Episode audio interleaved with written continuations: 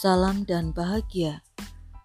Saya Oki Krisna Satyarini dari SMP Yosudarso Jeruk Legi, calon guru penggerak Angkatan 2 Kabupaten Cilacap. Saya akan menyampaikan koneksi antar materi, nilai-nilai dan peran guru penggerak dari modul 1.2 A9. Berikut beberapa hal yang akan saya sampaikan terdapat nilai penting yang harus dimiliki oleh seorang guru penggerak, yaitu mandiri, reflektif, kolaboratif, inovatif, dan berpihak pada murid. Guru penggerak juga mempunyai peran yang sangat vital dalam dunia pendidikan di Indonesia, yaitu sebagai pemimpin pembelajaran, penggerak komunitas praktisi, coach bagi guru lain, pendorong kolaborasi antar guru, dan berperan untuk mewujudkan kepemimpinan murid. Menurut saya, terdapat hubungan yang sangat erat antara nilai-nilai dan peran guru penggerak tersebut dengan filosofi yang diprakarsai oleh Ki Hajar Dewantara. Terutama pada filosofi Ingarso Sung Tulodo yang artinya di depan memberi contoh. Ing Madyo Mangun Karso, di tengah memberi semangat, dan Tutwuri Handayani, di belakang memberi dorongan. Saat menuliskan refleksi, saya menyadari bahwa guru adalah seorang role model atau teladan bagi muridnya, baik secara sadar maupun tidak.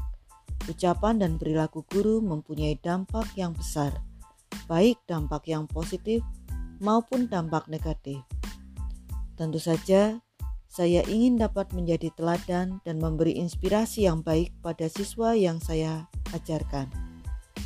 Karena itu, harapannya bahwa setiap guru memiliki nilai-nilai dan peran seperti guru penggerak di atas. Pada demonstrasi kontekstual, saya mengambil slogan Serentak Bergerak Indonesia Maju. Slogan ini terinspirasi dari peringatan Hari Pendidikan Nasional yang lalu. Slogan ini saya pilih untuk menjelaskan gambaran diri saya sebagai guru penggerak di masa depan. Karena saya tahu bahwa untuk melakukan perubahan, saya harus bersinergi dengan rekan-rekan guru yang lain. Maka, strategi yang dapat saya lakukan untuk mewujudkan hal tersebut antara lain adalah dengan membangun jaringan yang baik dengan komunitas di sekolah. Lebih jauh lagi, komunitas di tingkat Komda dan kabupaten, sehingga serentak bergerak atau bergerak bersama-sama demi memajukan Indonesia dapat terwujud.